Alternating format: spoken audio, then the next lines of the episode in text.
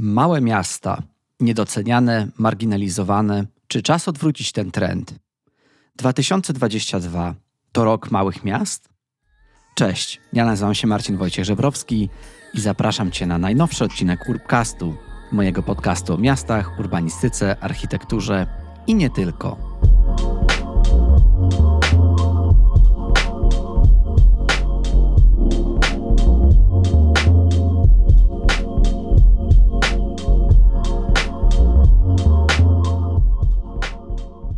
Witam Cię serdecznie w ostatnim wywiadzie, ale mam nadzieję, że nie ostatnim odcinku Urbcastu w tym roku, ponieważ planuję jeszcze taki krótki odcinek podsumowujący to, co się w tym roku wydarzyło w podcaście, a także w urbanistyce, w miastach i tak dalej.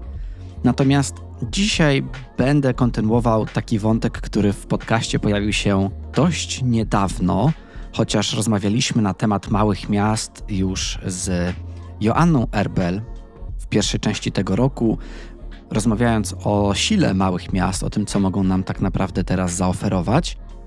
I dzisiaj, po tym jak też w odcinku kilka tygodni temu pojawił się Łukasz Jurkowlaniec z bardzo małego miasta Debrzno, niemalże pięciotysięcznego, gdzie rozmawialiśmy o rewitalizacji właśnie takiego małego miasteczka, to teraz czas na to, żebyśmy porozmawiali ogólnie o tych małych miastach, o tym, jakie one są, jakie mają problemy i co nam mogą zaoferować. No bo z jednej strony powszechne wyludnienie, upadający przemysł, bezrobocie, problemy mieszkaniowe, utrudniony dostęp do ochrony zdrowia, smog, układy polityczne czy coraz starsi mieszkańcy. Małym miastom poświęca się bardzo mało uwagi lub prawie wcale. Codziennie możemy za to usłyszeć oczywiście, co działo się w Warszawie, Krakowie, może Trójmieście i innych większych miastach. Małe miasta nie mają głosu na arenie ogólnopolskiej i to też sprzyja w tworzeniu się pewnych problemów. Dzisiaj rozmawiamy o zapaści, o reportażu Marka Szymaniaka, w którym odwiedzamy Dolnośląską Bielawę, Nową Rudę, Kętrzyn, Braniewo, Hełm, Hełmno, miasta niegdyś tętniące życiem, a dziś spowite mgłą beznadziei, stagnacji czy braku perspektyw. Ale wiele rzeczy się zmieniło przez ostatnie kilka lat i właśnie jak mówi Marek Szymaniak, na przykład drożejące mieszkania w metropoliach, coraz powszechniejsza praca zdalna, w której pomogła pandemia, to szansa dla mniejszych miejscowości. I wygrają te z atrakcyjną ofertą dla nowych, jak i starych mieszkańców. No właśnie, czy więc 2022 to rok małych miast? Przed Wami dziennikarz i reporter, autor dwóch świetnych reportaży Urobieni i Zapaść, czyli Marek Szymaniak, z którym porozmawiamy o tym, jakie właśnie małe miasta mają problemy, ale jak też mogą pokonać te różne wyzwania i zacząć tworzyć pewną przewagę i konkurencję dla dużych miast. I porozmawiamy tutaj o, o kilku przykładach. Jednym z nich jest, no właśnie, dość popularny ostatnio Pleszew, który stał się miastem 15-minutowym, którą tą właśnie koncepcję promował i promuje burmistrz miasta Arkadiusz Ptak. I właśnie to jest taki przykład miasta, które jest bardzo małe, a jednak udało się temu miastu przedostać do jakiegoś takiego ogólnego dyskursu na temat miast w Polsce. Zapraszam na najnowszy odcinek.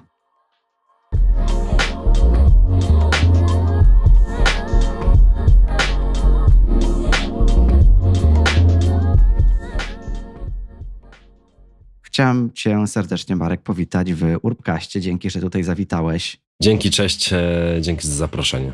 Łączymy się zdalnie, bo technologia nam to umożliwia i technologia też sprzyja małym miastom, co może za chwilkę też powiemy w, w, naszej rozmowie.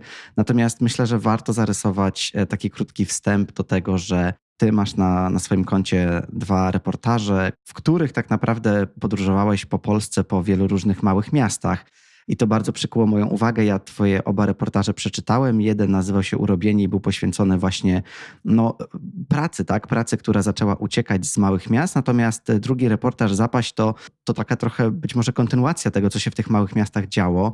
Natomiast powiedz mi w ogóle, skąd się wzięła taka twoja pierwsza myśl, żeby zająć się właśnie tymi małymi miastami? Wiesz, wzięła się stąd, że sam jestem z takiego małego miasta i mhm. tak naprawdę pierwsza książka opowiada o, o, rynku pracy tak szerzej. Tam także są duże miasta i bohaterowie z także z największych miast. Natomiast kiedy skończyłem pracę nad, e, nad właśnie pierwszą książką Urobieni, to Właściwie od razu wiedziałem, że będę robił drugą książkę o, o, tych mniejszych miastach, bo ten temat mniejszych miast siedział właściwie we mnie już, już wcześniej. No właśnie z tego względu, o którym wspomniałem, że ja sam jestem z mniejszego miasteczka, z Krasnego Stawu, to jest województwo lubelskie i przez lata obserwowałem, jak to miasto się zmienia, dorastając z nim, potem je odwiedzając, bo najpierw studiowałem początkowo w Lublinie przez 4 lata, dopiero potem przyniosłem się do Warszawy. I na każdym właściwie kroku swojej czy edukacji, czy, czy jakiegoś takiego prostu życia zawodowego widziałem, że, że tak, będąc e, w liceum ogólnokształcącym, właściwie to liceum, e, ale nie tylko moje, żeby było jasne, jeszcze te, poboczne technika, no, szykują ludzi do właściwie do wyjazdu z tego miasta, że, że to jest jakby jedyna, jedyna ścieżka. Hmm.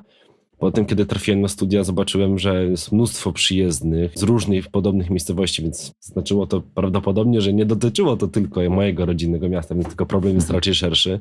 W Warszawie to jeszcze bardziej.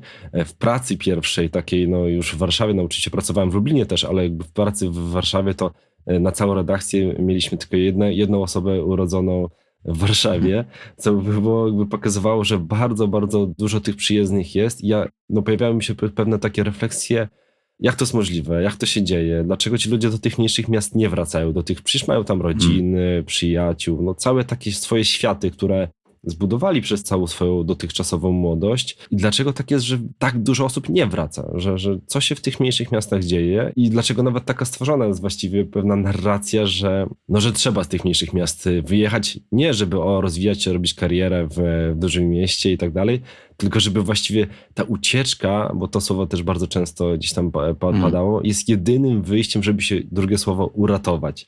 Więc mhm. jak to, jak, jak się w ten sposób o tym zaczyna myśleć, no to to jest ogromny temat na reportaż, e, może właśnie na książkę. I wracając do początku, tak, kiedy, kiedy skończyłem tą pierwszą książkę, wiedziałem, że, że chcę podnieść ten temat tych mniejszych miast, bo wiedziałem, że to jest historia nie tylko moja, ale po prostu no, myślę, że milionów ludzi. I, mm, no bo to też się odbywa nie, nie tylko w moim roczniku, powiedzmy, tylko odbywa się od dekad. Ja mam dwóch starszych braci, oni oczywiście wyjechali, jeden z nich wrócił, więc i tak jest niezła statystyka. Mhm. Mm, gdyby 30% e, wyjeżdżających na studia wracało, to byłoby myślę, że całkiem nieźle. No i zacząłem po prostu drążyć, sprawdzać, jak to wygląda w tych mniejszych miastach, przyglądać się temu, a wtedy kiedy, kiedy kończyłem pierwszą książkę, to ukazał się raport e, panu mówiący właśnie o miastach, którym grozi utrata funkcji. No właśnie ze względu na, na wyludnienie już trudno, można powiedzieć, zapewnić tam pewne usługi publiczne. E, coraz trudniej tam funkcjonować, obniża się jakość życia.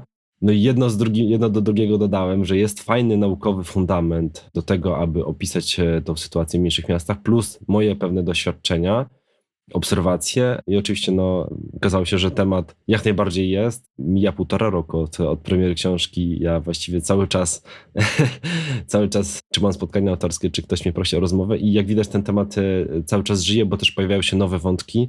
Więc, e, więc tak, stąd, stąd jest pomysł. Zdecydowanie, tylko że temat ewoluuje i też w drugiej części tej rozmowy ja chciałem porozmawiać o takim e, trochę innym aspekcie, lepszym aspekcie mhm. tych małych miast, o sile małych miast również ale zanim do tego przejdziemy, zastanawia mnie to jeszcze, jeśli byśmy mogli rozwinąć ten, ten temat trochę, który opisujesz właśnie w zapaści, bo ponad, myślę, że to było około dwa lata temu, kiedy w moim podcaście zagościła też Olga Gitkiewicz, która opisywała wykluczenie transportowe mhm. i o tym, że tak naprawdę 14 milionów Polaków ma wszędzie daleko w pewnym sensie.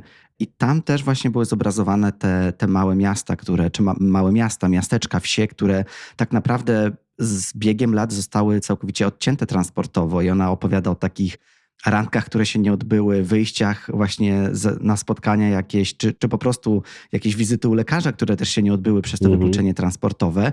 I mimo tego, że ja zawsze staram się szukać jakichś optymizmów, jakichś takich pozytywnych przesłanek, to, to czytając też to czułem taki pewien marazm. I czytając zapaść miałem trochę podobnie, że z jednej strony czułem, że w tych małych miastach jest, może właśnie powstać taka siła lokalnych społeczności i inne pozytywne rzeczy, ale przechodząc przez tą książkę miałem jakiś taki smutek, czy, czy to był właśnie cel, żeby tak ukazać w pewien sposób, żeby, żeby nie wiem, wywołać takie uczucia, czy to było po prostu czy to była po prostu rzeczywistość? Nie, znaczy ja, ja nie mam celu e, jakby nikogo zasmucać. Myślę, że odbiór czytelny, autor ma naprawdę bardzo mały wpływ na to, jak czytelnicy odbiorą jego książkę. Natomiast no, starałem się ukazać sytuację na miejscu jak najbliżej prawdy. Zresztą no, ja też zdecydowałem się na taką formę tych reportaży, że mnie jako autora jest tam e, w tej treści tych, tych, tych, tych tekstów tak naprawdę całkiem mało, można powiedzieć bardzo mało. Starałem się e, tak pisać i zbierać materiał, żeby, e, żeby to właśnie mieszkańcy sami mówili o tym, jak tam jest w tych ich mniejszych miejscowościach, jakie są problemy.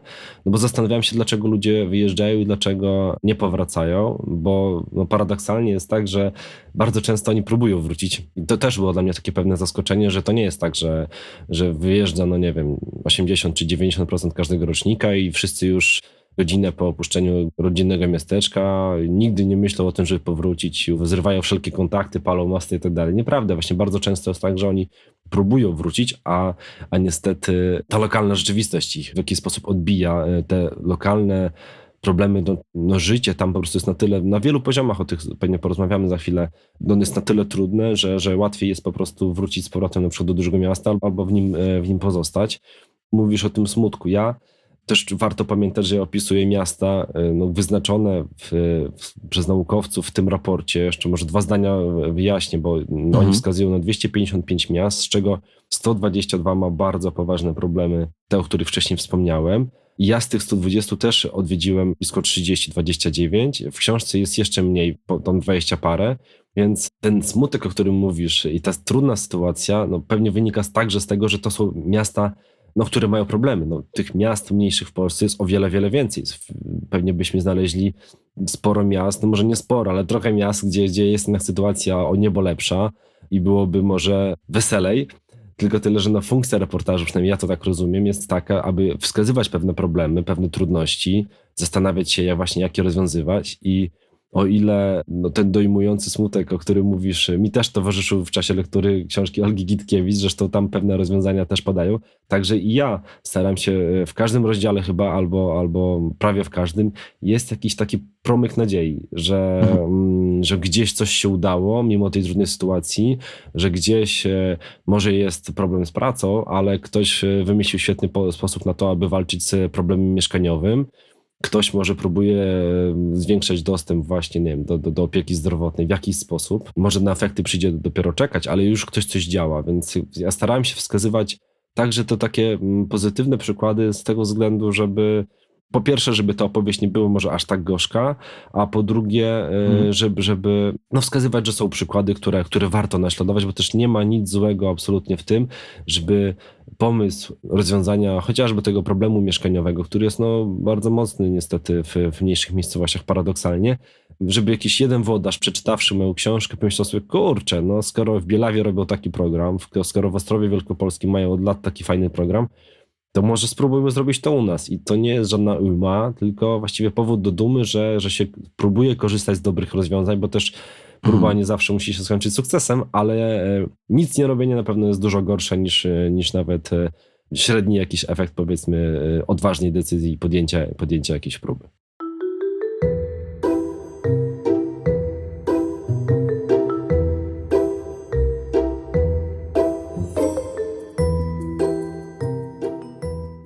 Ten raport, o którym wspominałeś, czy mógłbyś przytoczyć, jaki to jest raport? Czy to jest raport może profesora Śleszyńskiego? Tak, dokładnie tak. E, mhm. On ma bardzo skomplikowaną nazwę, więc teraz e, delimitacja. Na pewno, kiedy nasi słuchacze sobie wpiszą w Google no właśnie nazwisko pana profesora e, Śleszyńskiego, Polską Akademię Nauk, to ten raport e, o miastach 250, a w drugiej edycji e, troszkę ta liczba się zmieniła, to na pewno też obie te edycje tego raportu znajdą, więc zresztą możemy też podlinkować, tak myślę, w, w opisie podcastu. Możemy? Tak, tak, tak, tak. Zdecydowanie dlatego też o to pytam, bo ja pamiętam ten raport profesora. Ja pamiętam też, że byłem na jakimś spotkaniu z, z nim, mhm. w którym prezentował te wyniki, ale to było wiele lat temu. Tak, bo raport się ukazał w, pod koniec 2017 roku i ja właśnie no, w 2018 roku już e, wiedziałem, że będę tą nową książkę, drugą zapaść robił. Jak kończyłem książkę, chyba ona już była, nie pamiętam dokładnie jak to już wyglądało czasowo, ale czy już była gotowa, czy już była w druku, to ukazał się, czy właśnie po chwilę po ukazaniu się, jako, jakoś tak, ukazała się druga wersja tego raportu, druga edycja. Tam część miast się zmieniło, część miast e, zmieniło swoją pozycję także przez te kilka lat pracy nad moją książką. No niemniej sytuacja wielu z nich, można powiedzieć, pozostała bez zmian, więc problem jest mhm. aktualny. Zresztą tak naprawdę bardziej kluczowe jest nie to, jakie to są miasta w jednym czy drugim raporcie, tylko to, że tych miast jest tak wiele, no że właściwie trzeba jakoś zastanawiać się, w jaki sposób im pomóc, bo ten problem, tak jak mówię, już rozwija się, trwa od lat. No gdzieś tam się teraz bardziej o tym mówi, ale no prognozy są e, dramatyczne, że, że to wyludnienie będzie bardzo gwałtownie e, jeszcze postępować, że wiele, no to się oczywiście wiąże z no, bardzo poważnymi konsekwencjami, że no, oczywiście część osób tam zostanie, a kiedy miasta e, no, w jakiś sposób no, stracą tak dużą liczbę swoich mieszkańców, to będzie trudno im funkcjonować. Trzeba będzie w jakiś sposób może nawet e, dotować z budżetu po prostu, mhm. aby, aby te miasta funkcjonowały, aby był tam jednak dostęp do jakiegoś lekarza, aby coś działało. O tym dzisiaj nie myślimy, a, a to jest perspektywa w takim czarnym scenariuszu no, całkiem realna. Więc e, no lepiej dzisiaj działać, żeby podnieść jakość tego życia, tam, żeby ta krew w tym organizmie funkcjonowała, żeby krążyła, żeby, żeby te miasta żyły, niżeli żeby, żeby sytuacja jeszcze się pogorszyła i potem trzeba będzie te, te miasta, brakuje mi teraz medycznego słowa, ale może, może reanimować albo może po prostu podtrzymywać przy życiu, mhm. że, żeby, żeby jakoś tam się dało jeszcze żyć. No, niestety sytuacja jest, e, jest poważna i dlatego dobrze, że te raporty powstają, dobrze, że też dziennikarze myślę, że się takimi tematami e, zajmują, bo też jakby no nie tylko ja o tych mniejszych miastach piszę i to jest też i bardzo ciekawe i, i dobre tak naprawdę, bo ja też nigdy nie, nie traktuję tego jako jakiejś rywalizacji, tak jak Olga Gitkiewicz podjęła temat wykluczenia transportowego i, i świetnie, u mnie ten temat y, także celowo właściwie i świadomie jest troszeczkę w tle, no żeby, żeby się nie powtarzać. I tak e, inni dziennikarze no, rozwijają ten temat. Jest książka Magdy Okraski, jest książka Andrzeja Andrysiaka o spojrzeniu takim krytycznym na samorząd, czyli na to, co nam się wydaje, mhm. że, że tak świetnie nam się udało, a okazuje się, że, że nie do końca.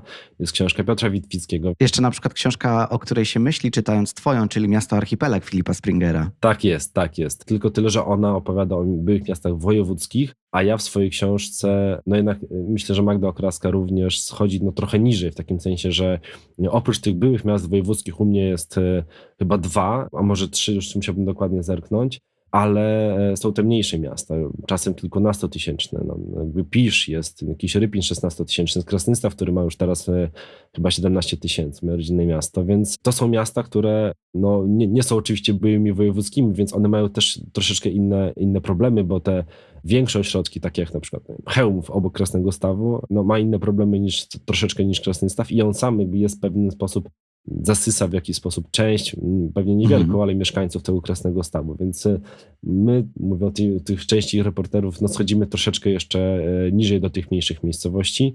Mm. No więc jakby bardzo dobrze, że ten temat e, jakby ciągle jest gdzieś tam poruszany.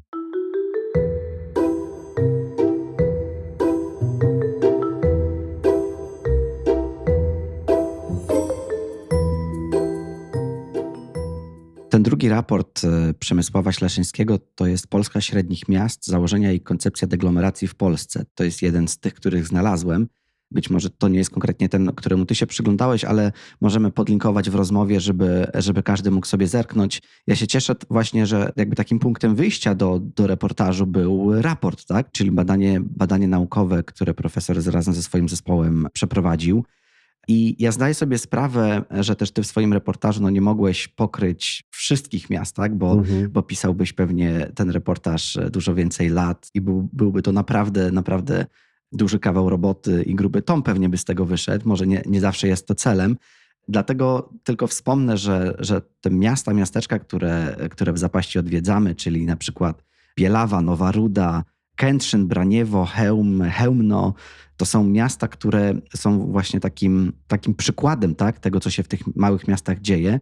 Natomiast oczywiście nie byłeś w stanie wszystkich miast pokryć, ale biorąc pod uwagę te miasta, które odwiedziłeś, jeszcze tak krótko może, żeby mhm. podsumować sobie tą pierwszą część, jakie właśnie to były najczęściej problemy, które tam się pojawiały? Czyli czy mówimy tylko i wyłącznie o, o braku pracy, o bezrobociu, o upadających zakładach produkcyjnych, braku dostępu do mieszkań, czy są jeszcze jakieś inne wyzwania, o których nie wspomnieliśmy? Oczywiście są, chociaż nie można powiedzieć, że to jest tylko, bo mhm. tylko brak pracy, bo tak naprawdę grono, właściwie, no nie wiem, lwia część tych problemów, a tak może powiem, e, wynika właśnie z z braku pracy albo z braku dobrej pracy, bo, bo czasem ta praca na miejscu jest, ale jest bardzo słabej jakości, na czarno, z dużą liczbą nadgodzin albo na jakiejś śmieciówce za jakiś psi pieniądz. I ta praca wydaje mi się kluczowa, dlatego też ona jest jakby w jednym z pierwszych rozdziałów, bo pokazuje, że no, no bez tej pracy nie, nie, zbuduje człowiek, który jest, e, czy mieszka w tym mniejszym mieście, czy wyjechał do niego, próbuje wrócić i osiąść, nie zapuści tam korzeni, nie, nie zbuduje, o tak, fundamentu tego bycia tam, jeżeli nie będzie miał dobrej pracy, bo możemy mieć mieszkanie, nie wiem, odziedziczone, czy nawet po prostu stać nas kupiliśmy, możemy mieć świetne, nie wiem, na miejscu dostęp do rozrywki, kino, y, coś się po prostu lokalnie na ten temat dzieje. Jest nawet niezły ośrodek zdrowia, więc możemy sobie powiedzieć, że okej, okay, jakoś tam jest, jesteśmy pod tym względem zaopiekowani, możemy mieć dostęp do natury, bo zaraz czy w naszym mieście, czy pod nim jest las, jezioro, takie miasta też odwiedzałem, ale jeżeli nie będziemy mieli pracy, to trudno będzie nam, bardzo trudno no, zatrzymać się w tym mieście na dłużej, nim, żyć tam, no bo musimy mieć po prostu z czego żyć. Musimy hmm. mieć e, zarobki, które pozwolą nam na, na, jakieś takie godne życie, bo nawet jeżeli, jeżeli ta praca będzie kiepska, to, to nie będziemy myśleć o tym, żeby z tego wszystkiego korzystać, bo nie będzie nas też stać, będziemy się czuli niepewnie, a człowiek, no myślę, że jak się czuje niepewnie, no to w jakiś sposób szuka tej stabilności, szuka e, no właśnie tego, żeby gdzieś móc bezpiecznie żyć, godnie żyć. E, I kiedy opisuje z jednej strony to, jak przez pierwsze lata, właściwie nawet dekady, można powiedzieć, trzeci RP w wielu tych mniejszych miejscowościach zakłady przemysłowe ogromne często upadały, jak je likwidowano, jak no, zmieniał się właściwie, jak po okresie PRL-u został zaorany ten rynek pracy miejscowy, jak on się odradzał w innej formie, to, e, to jest jedna, jedno oblicze, a drugie oblicze, jak ten właśnie rynek pracy na miejscu potem wyglądał, jak po tym zaoraniu zmieniły się tam relacje e, między pracownikami a pracodawcami, jak zmieniły się warunki pracy, jak zmieniła się właśnie jakość tej pracy.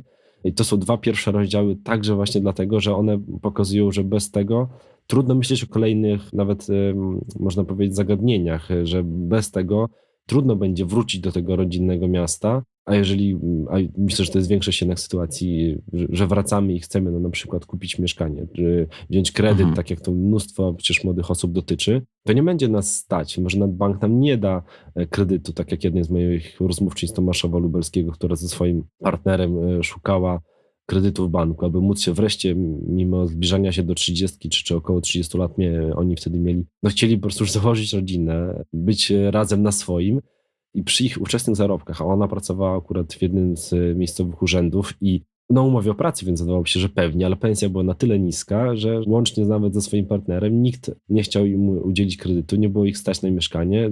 Zresztą też inna kwestia, jak wiele się buduje w tych mniejszych miastach, więc, mm. więc samo to, że możemy nawet mieć niezłą, no powiedzmy, no nie może nie niezłą, ale stabilną pracę, ale jeżeli te zarobki są tak niskie, to trudno będzie nam po prostu tam na miejscu pozostać i no takich, e, takich osób jest po prostu tam tak wiele, że, że no, ta praca wydaje się pewnym, pewnym fundamentem, bez którego ciężko, ciężko po prostu mhm. dalej ruszyć. A pytasz o inne problemy. No to już, to już wspomniałem, problem mieszkaniowy, tak? No wydawałoby się, że no kurczę, ludzie wyjeżdżają, no to co za problem? Mieszkania pewnie stoją puste w tych mniejszych miastach, tylko siąść i, i kupić. No okazuje się, że jednak nie jest to takie łatwe, bo z jednej strony te mieszkania czy są w jakiś sposób często wynajmowane na jakimś okrężnym obiegu. Ja też przez lata obserwowałem to, jak e, i w czasie pracy na książki, ale też jakby śledzę lokalne jakieś fora e, e, swojego rodzinnego miasta i kiedy tam pojawiało się ogłoszenie, że ktoś chce wynająć mieszkanie, to po prostu był no, wężyk ludzi zgłaszających się, że o priv, chce więcej wiedzieć i tak dalej, bo ta oferta taka publiczna, nawet na ogłoszeniach z mieszkaniami, powiedzmy do wynajmu, jest bardzo ograniczona, więc jakby pokazuje, że gdzieś to tam się odbywa półsłówkiem, można się domyślać z jakiego powodu, a z drugiej strony no bardzo mało się buduje, czasem jest to jakiś jeden blok albo dwa na kilkudziesięciu nawet tysięczne miasto, więc y, ci, którzy mają jakiś kapitał, bo, bo nieźle zarabiają mimo wszystko w tym mniejszym mieście, bo nie wiem, wrócili z oszczędnościami z zagranicy albo no po prostu wychowali się w takiej rodzinie, że jakieś pieniądze tam są, no to oni w pierwszej kolejności kupują te mieszkania, bo mają gotówkę, a ci, którzy, no nie wiem, muszą się postarać o kredyt, może dopiero myślą, żeby nazbierali na to mieszkanie, to nawet się bardzo często nie, nie mogą złapać, no bo podaż jest bardzo, bardzo mała. Ja też to, jakby to mhm. porównuję, o ile teraz dobrze pamiętam, na przykładzie między innymi Jasła w województwie podkarpackim, jak wiele się buduje w, w takich mniejszych miastach i tam zdaje się, że w 2018 albo jakoś no, w tamtych latach, kiedy pisałem książkę, budowało się 0,7 mieszkania na, na 1000 mieszkańców w Jaśle,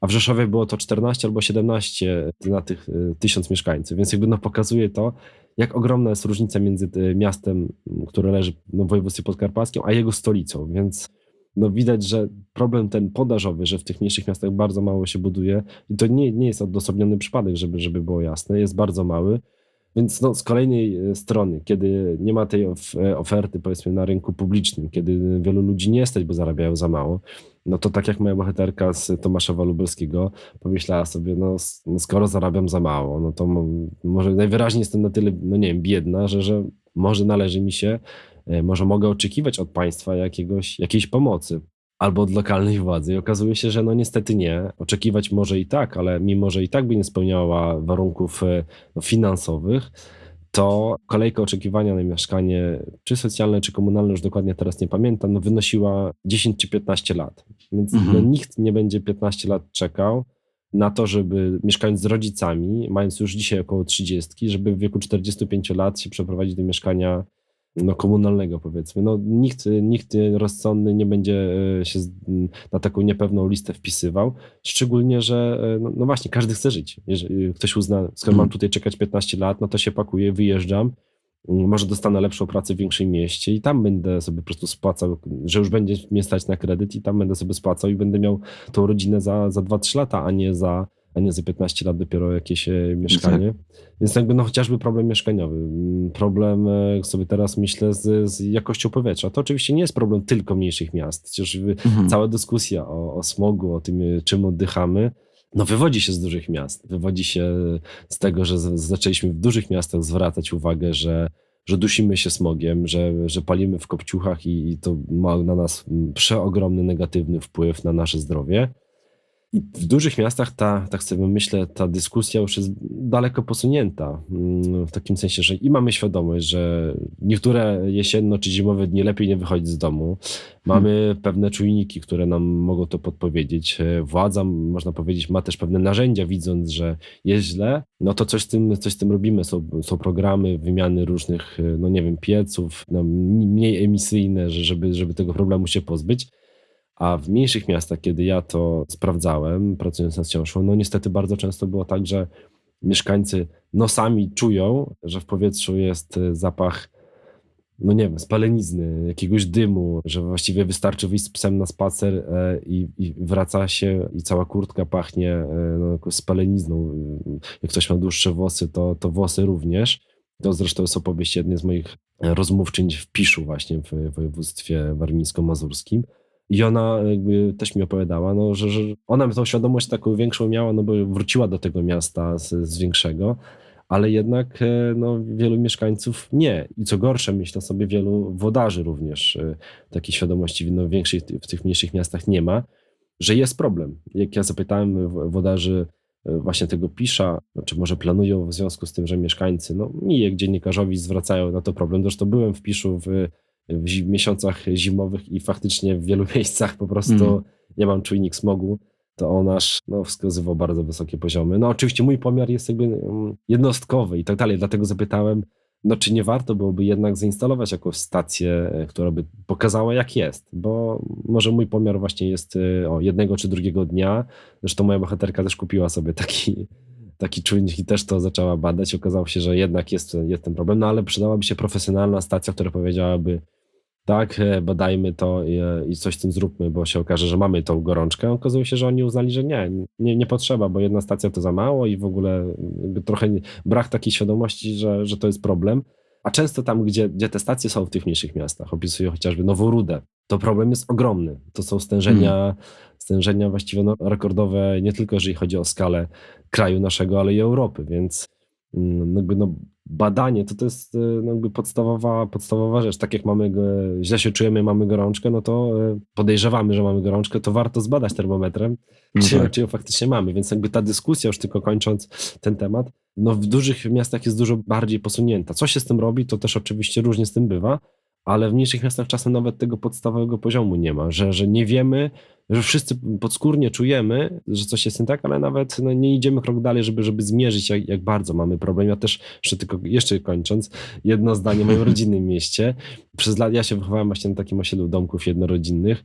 E, tam oczywiście wszyscy no, normalnie palili, normalnie, no tak było przez, przez dekady, w piecach, czy węglem, czy drewnem, czy, czy a niektórzy czym popadnie. I tam zawsze jesienią zimą był taki zapach, mój brat mówi zapach naszego dzieciństwa, ale to jest, to jest zapach po prostu smogu, tak? Że, I tam e, ten problem teraz może trochę mniejszy, ale nadal jest. I kiedy, tam, kiedy ja tam przyjeżdżam, odwiedzam brata, bo on w tym moim domu rodzinnym mieszka, no to wysiada się w tego miejsca i krasny staw, tak? Już, już w nosie czuć, że jesteśmy jakby, powiedzmy u siebie w cudzysłowie. Więc, e, e, więc to właśnie, no przydałoby się chociażby na, na ten problem, który jest też także w dużych miastach, jak, jak powiedziałem, spojrzeć na jak wygląda w mniejszych miastach, więc, e, więc to kolejny problem, kolejny dostęp do, do systemu ochrony zdrowia, do lekarzy specjalistów.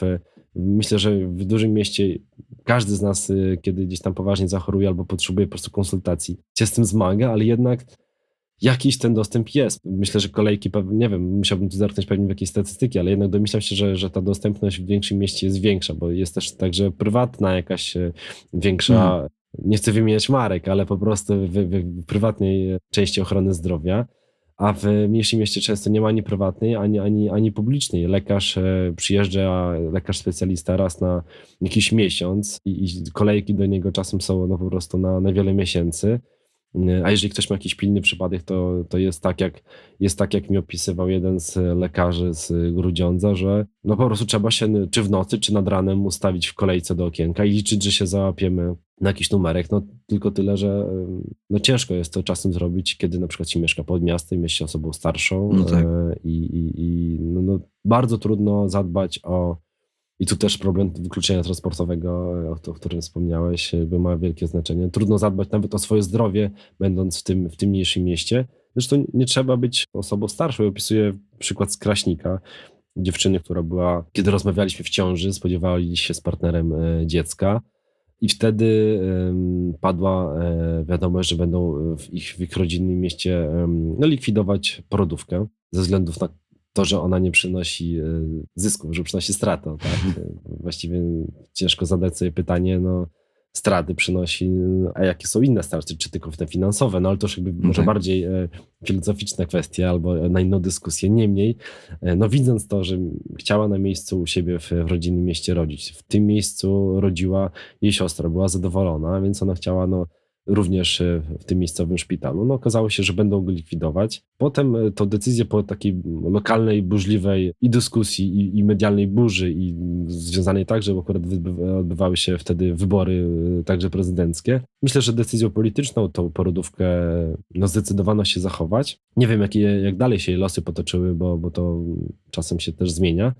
Niemniej ta dziewczyna już zdecydowała, że no, no nie, po prostu jeżeli oni no tak. nie wiedzą, czy ją likwidować, czy ją utrzymać, e, to jaką ona ma gwarancję? Oni się e, jednego dnia przekonują, że to absolutnie nie ma sensu porodówka w takim mieście. Potem właściwie ci sami ludzie mówią, że nie, no musi być, musi być. To jaką ona ma gwarancję, że za, za tydzień, czy w dniu tego jej porodu, ktoś znowu nie zmieni zdania, że i ona przyjedzie do, no tak. do tego miejsca i, i no mówiąc przysłowiowo po prostu pocałuje klamkę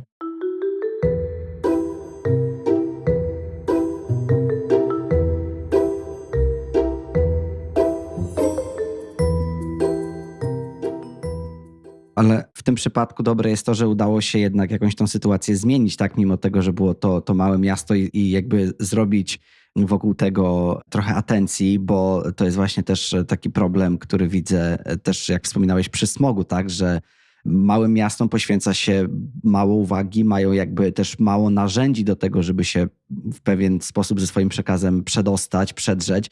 Natomiast e, miasta takie jak Warszawa, Kraków czy na przykład Trójmiasto no mają zdecydowanie więcej tych wszystkich narzędzi i ich głos po prostu widać, widać, słychać bardziej. Ale porozmawiajmy teraz o takich plusach małych miast, bo teraz naprawdę rozwinęliśmy wątek tych wszystkich problemów, o tym, że... Jeszcze nie wszystkich, ale takie, ale już troszkę omówiliśmy. jeszcze właśnie, jeszcze nie wszystkich i też zachęcamy do zerknięcia do książki. Natomiast małe miasta to są takie miasta, które są właśnie często niedoceniane, marginalizowane i być może warto odwrócić ten trend I trafiłem właśnie w okolicach czytania Twojej książki, trafiłem na ciekawy artykuł, który napisałeś. Życie widać znakomicie, w którym właśnie odwracamy trochę ten trend, ponieważ mówisz, że duże miasta też mają swoje problemy, czyli na przykład drożejące mieszkania w metropoliach, czy coraz powszechniejsza praca zdalna, której, w której pomogła pandemia. To jest szansa dla małych miast i miejscowości, bo wygrywają z tą atrakcyjną ofertą i dla nowych, i dla starych mieszkańców. No właśnie, to może rzeczywiście ten rok 2022 to jest taki rok małych miast. Myślę, że to jest rok małych miast, bo się ta, ten temat e, bardzo mocno przebił do dyskusji. I tak jak pisałem o takich pozytywach, troszeczkę szukając pozytywów w tych, w tych mniejszych miastach, bo faktycznie, tak jak mówisz, pandemia stworzyła pewną taką, no, można powiedzieć, otworzyła okienko dla, tylko to trzeba podkreślać, niektórych i zapewne nielicznych mniejszych miast, mhm. ponieważ no, trochę bardziej upowszechniła się praca zdalna, chociaż to, ten trend niestety, niestety, mówię to niestety, jest w odwrocie ale jednak dużo więcej z nas i wiele też firm, nas, czyli osób, mówię bardziej o sobie, żyjących na co dzień w dużych miastach, zaczęło pracować zdalnie, zaczęło pracować hybrydowo.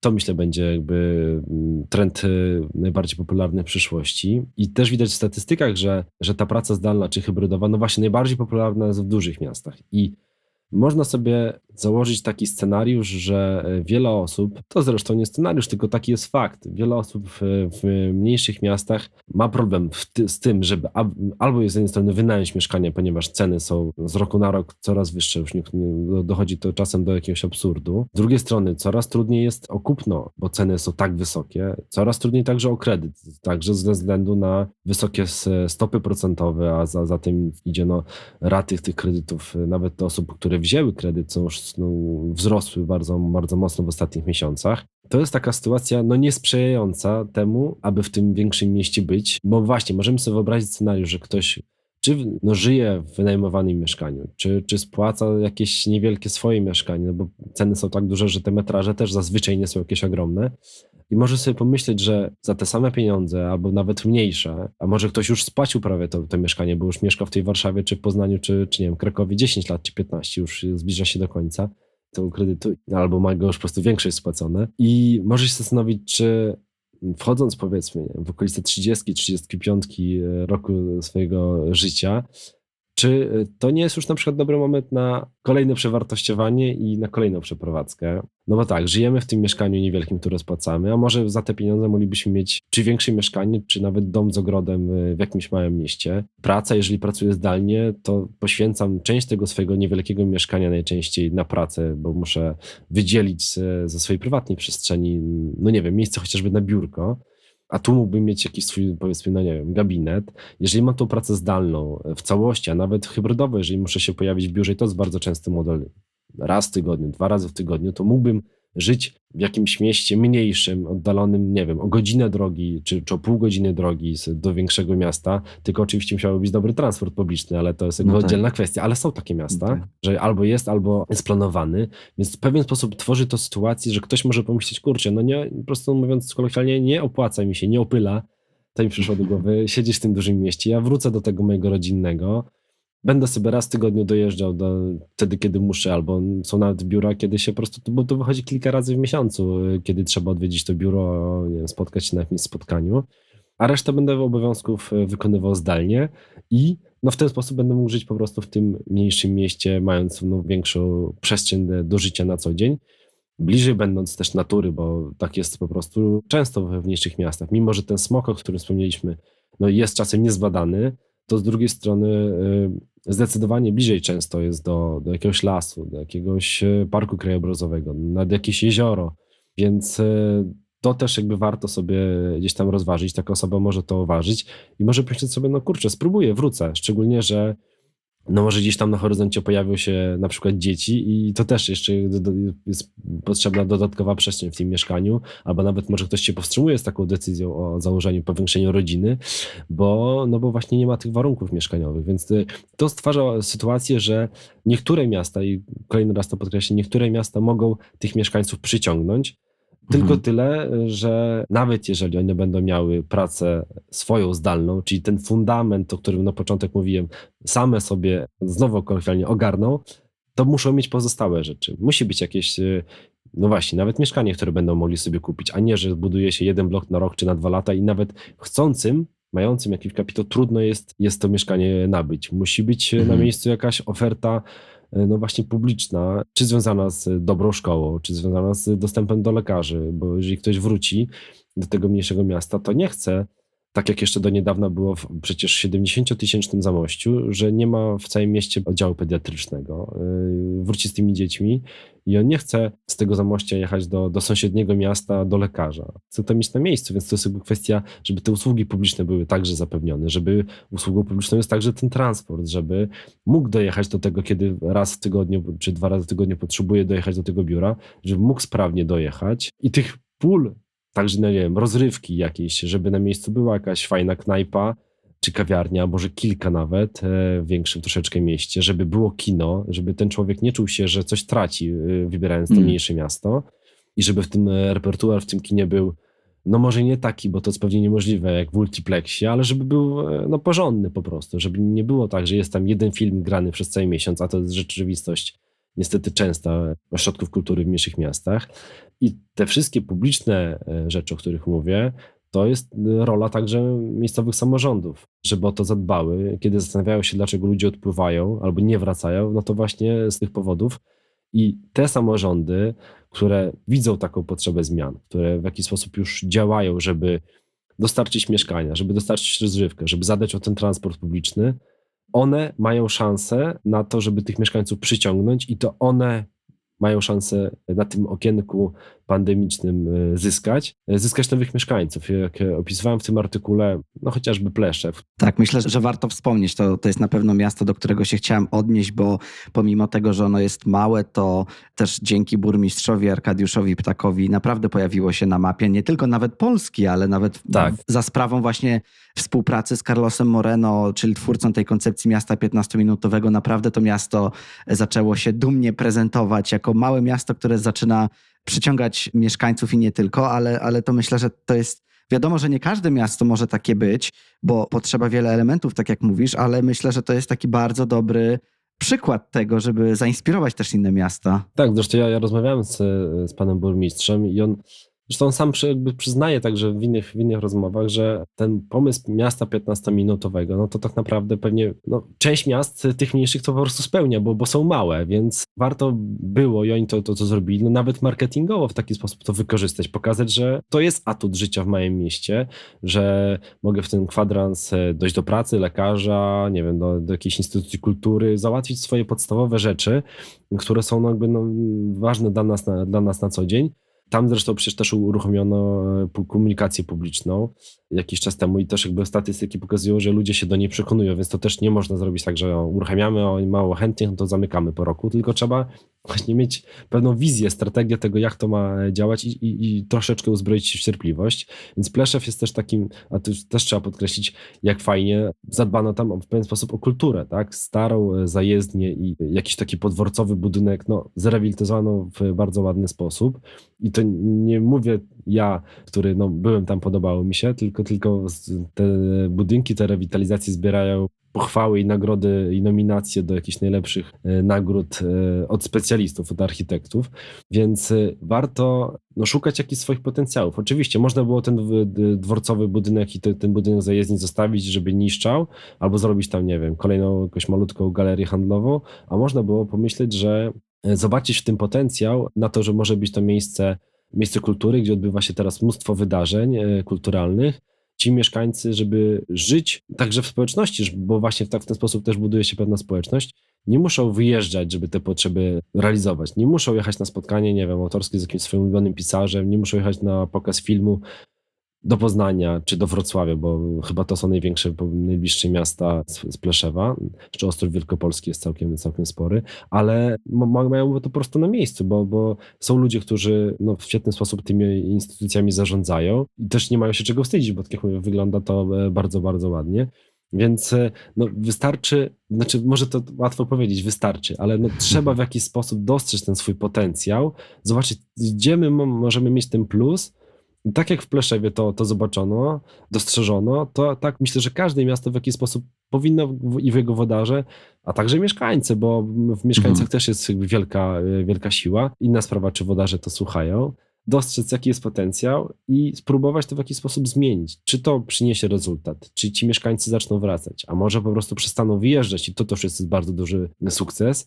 Czy to wystarczy? Nie wiadomo, ale tak jak mhm. powiedziałem, lepiej działać i, i, zatrzymywać tych mieszkańców, którzy są, niż, e, no, niż to właśnie nie robić nic. Zresztą Pleszew, już, który już tak chwalimy, no, nie tylko postawił na tą kulturę komunikacji, ale także ma kilka programów mieszkaniowych. Ja to już tam dokładnie w tekście opisuję, więc do niego też, też e, odsyłam.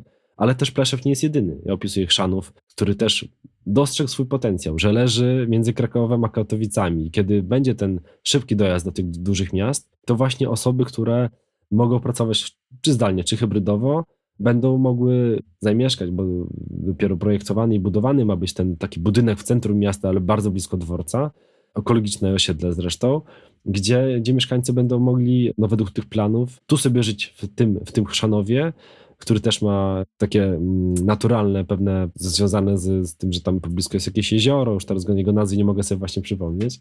W każdym razie jest pewna atrakcja e, także naturalna, ale jeżeli, jeżeli mamy pracę zdalną, to będziemy mogli w ten sposób e, żyć, że tutaj mieszkamy, a tutaj sobie czasem dojedziemy do dużego miasta i w jaki sposób tą, tą inne potrzeby nie wiem, chociażby zakupowe, tak? W jaki sposób sobie jeszcze rozwiążemy. Więc tak jak piszę w tym tekście, trzeba szukać tych swoich potencjałów. Nie każde miasto je znajdzie, nie każde miasto, nawet jak znajdzie, to będzie potrafiło wykorzystać, ale jeżeli część tych mniejszych miast w jakiś sposób zauważy te potencjały i jakoś się wykorzysta, to w tych miastach, no najkrócej mówiąc, to one wygrają. To one może przyciągną nowych mieszkańców, to one może zatrzymają liczbę obecnych, których mają i przestanie zagrażać im ta tytułowa zapaść.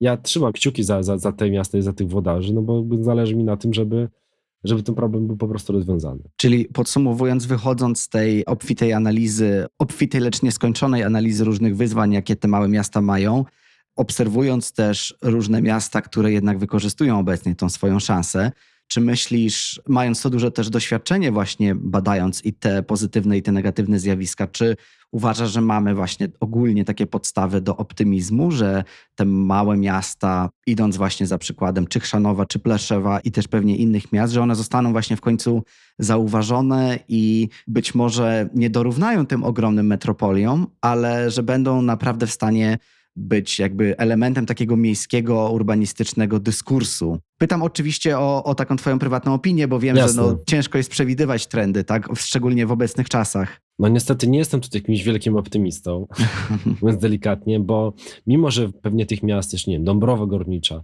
można byłoby wymienić trochę, to nadal to są takie no, rodzynki w cieście. W takim sensie, mhm. że, że w roju tych miast, myślę, że w setkach, jak nie, nie no, tysiącach, to są nadal, e, no właśnie jak mówię, pojedyncze jakieś takie przykłady zrozumienia sytuacji, już podejmowania działań. Pewnie tych miast jest więcej, gdzie, gdzie coś się dzieje, ale nadal to jest jakiś taki no, ułamek, więc ja sobie myślę, że przydałoby się oprócz tej naszej dyskusji, e, no także w jakiś sposób takie wsparcie może, może wyżej, może władz centralnych, żeby dawać pewne narzędzia, dawać no, mówiąc krótko, kasę na to, żeby ktoś tych pomysłów szukał, tych potencjałów i, tych, e, i miał je za co potem realizować. Więc większą nadzieję bym miał, gdyby, gdyby pojawiały się takie odgórne, dobre działania, dobre narzędzia do tego, aby, aby te miasta mogły tą swoją rzeczywistość zmieniać. Pewnie po części to się, to się gdzieś tam dzieje. Gdzieś niedawno słyszałem, chociaż nie wiem na jakim to jest etapie, o ustawie, która będzie w jakiś sposób, już nie pamiętam, nie pamiętam szczegółów, dofinansowała pracę zdalną. Jeżeli jakiś pracodawca stworzy hmm. miejsce pracy zdalnej w tym mniejszym mieście, to dostanie jakieś tam dofinansowanie. Trzeba by sprawdzić e, szczegóły. Myślę, że kierunek jest dobry, tylko oczywiście zależy, co tam jest do, do, dokładnie zawarte. Mm, I pewnie, no tak. pewnie na każdej tej działce, co ja opisałem, i pewnie jeszcze w szeregu dodatkowych, przydałoby się jakieś wsparcie, żeby to rzeczywistość można byłoby poprawiać. I wtedy nie mówilibyśmy o tym, że kilka miast czy kilkanaście w skali kraju się zmienia, tylko że zmieniają się dziesiątki, setki. Wtedy, i wtedy naprawdę byłoby po prostu lepiej. Zresztą specjaliści te działania wymieniają, także nawet reformę administracyjną, więc e, zmniejszenie liczby województw. E, więc jakby no, wydawałoby się, że trzeba by było tylko z tych rad korzystać e, i je mhm. wdrażać. No a do tego niestety jeszcze daleko droga. Stąd e, ten mój taki no raczej ostrożny, ostrożny optymizm. ale podejmujemy dyskurs. Ja wiem też, że tego podcastu słuchają również włodarzy miast, osoby pracujące w urzędach miejskich, więc nie wiem, jak wiele jest to małych miast, ale na pewno małe miasta będą na agendzie tego podcastu. Ostatnio bardzo popularny odcinek, w którym wypowiadał się Łukasz Jurkowlaniec, który odpowiadał za rewitalizację Debrzna, które jest e, niespełna pięciotysięcznym miasteczkiem, a bardzo dobrze sobie radzi z rewitalizacją, więc myślę, że w kolejnym roku też o tych miastach małych ja przynajmniej będę starał się mówić. A tobie Marek dziękuję też właśnie, że poruszyłeś tak, te tematy zarówno w, w swoich reportażach, no i jak i w tym artykule poświęconym właśnie sile małych miast, do którego też oczywiście odsyłam i dodam link w opisie tego odcinka. Dziękuję za zaproszenie, dziękuję, że mogłem też tutaj o tym opowiedzieć.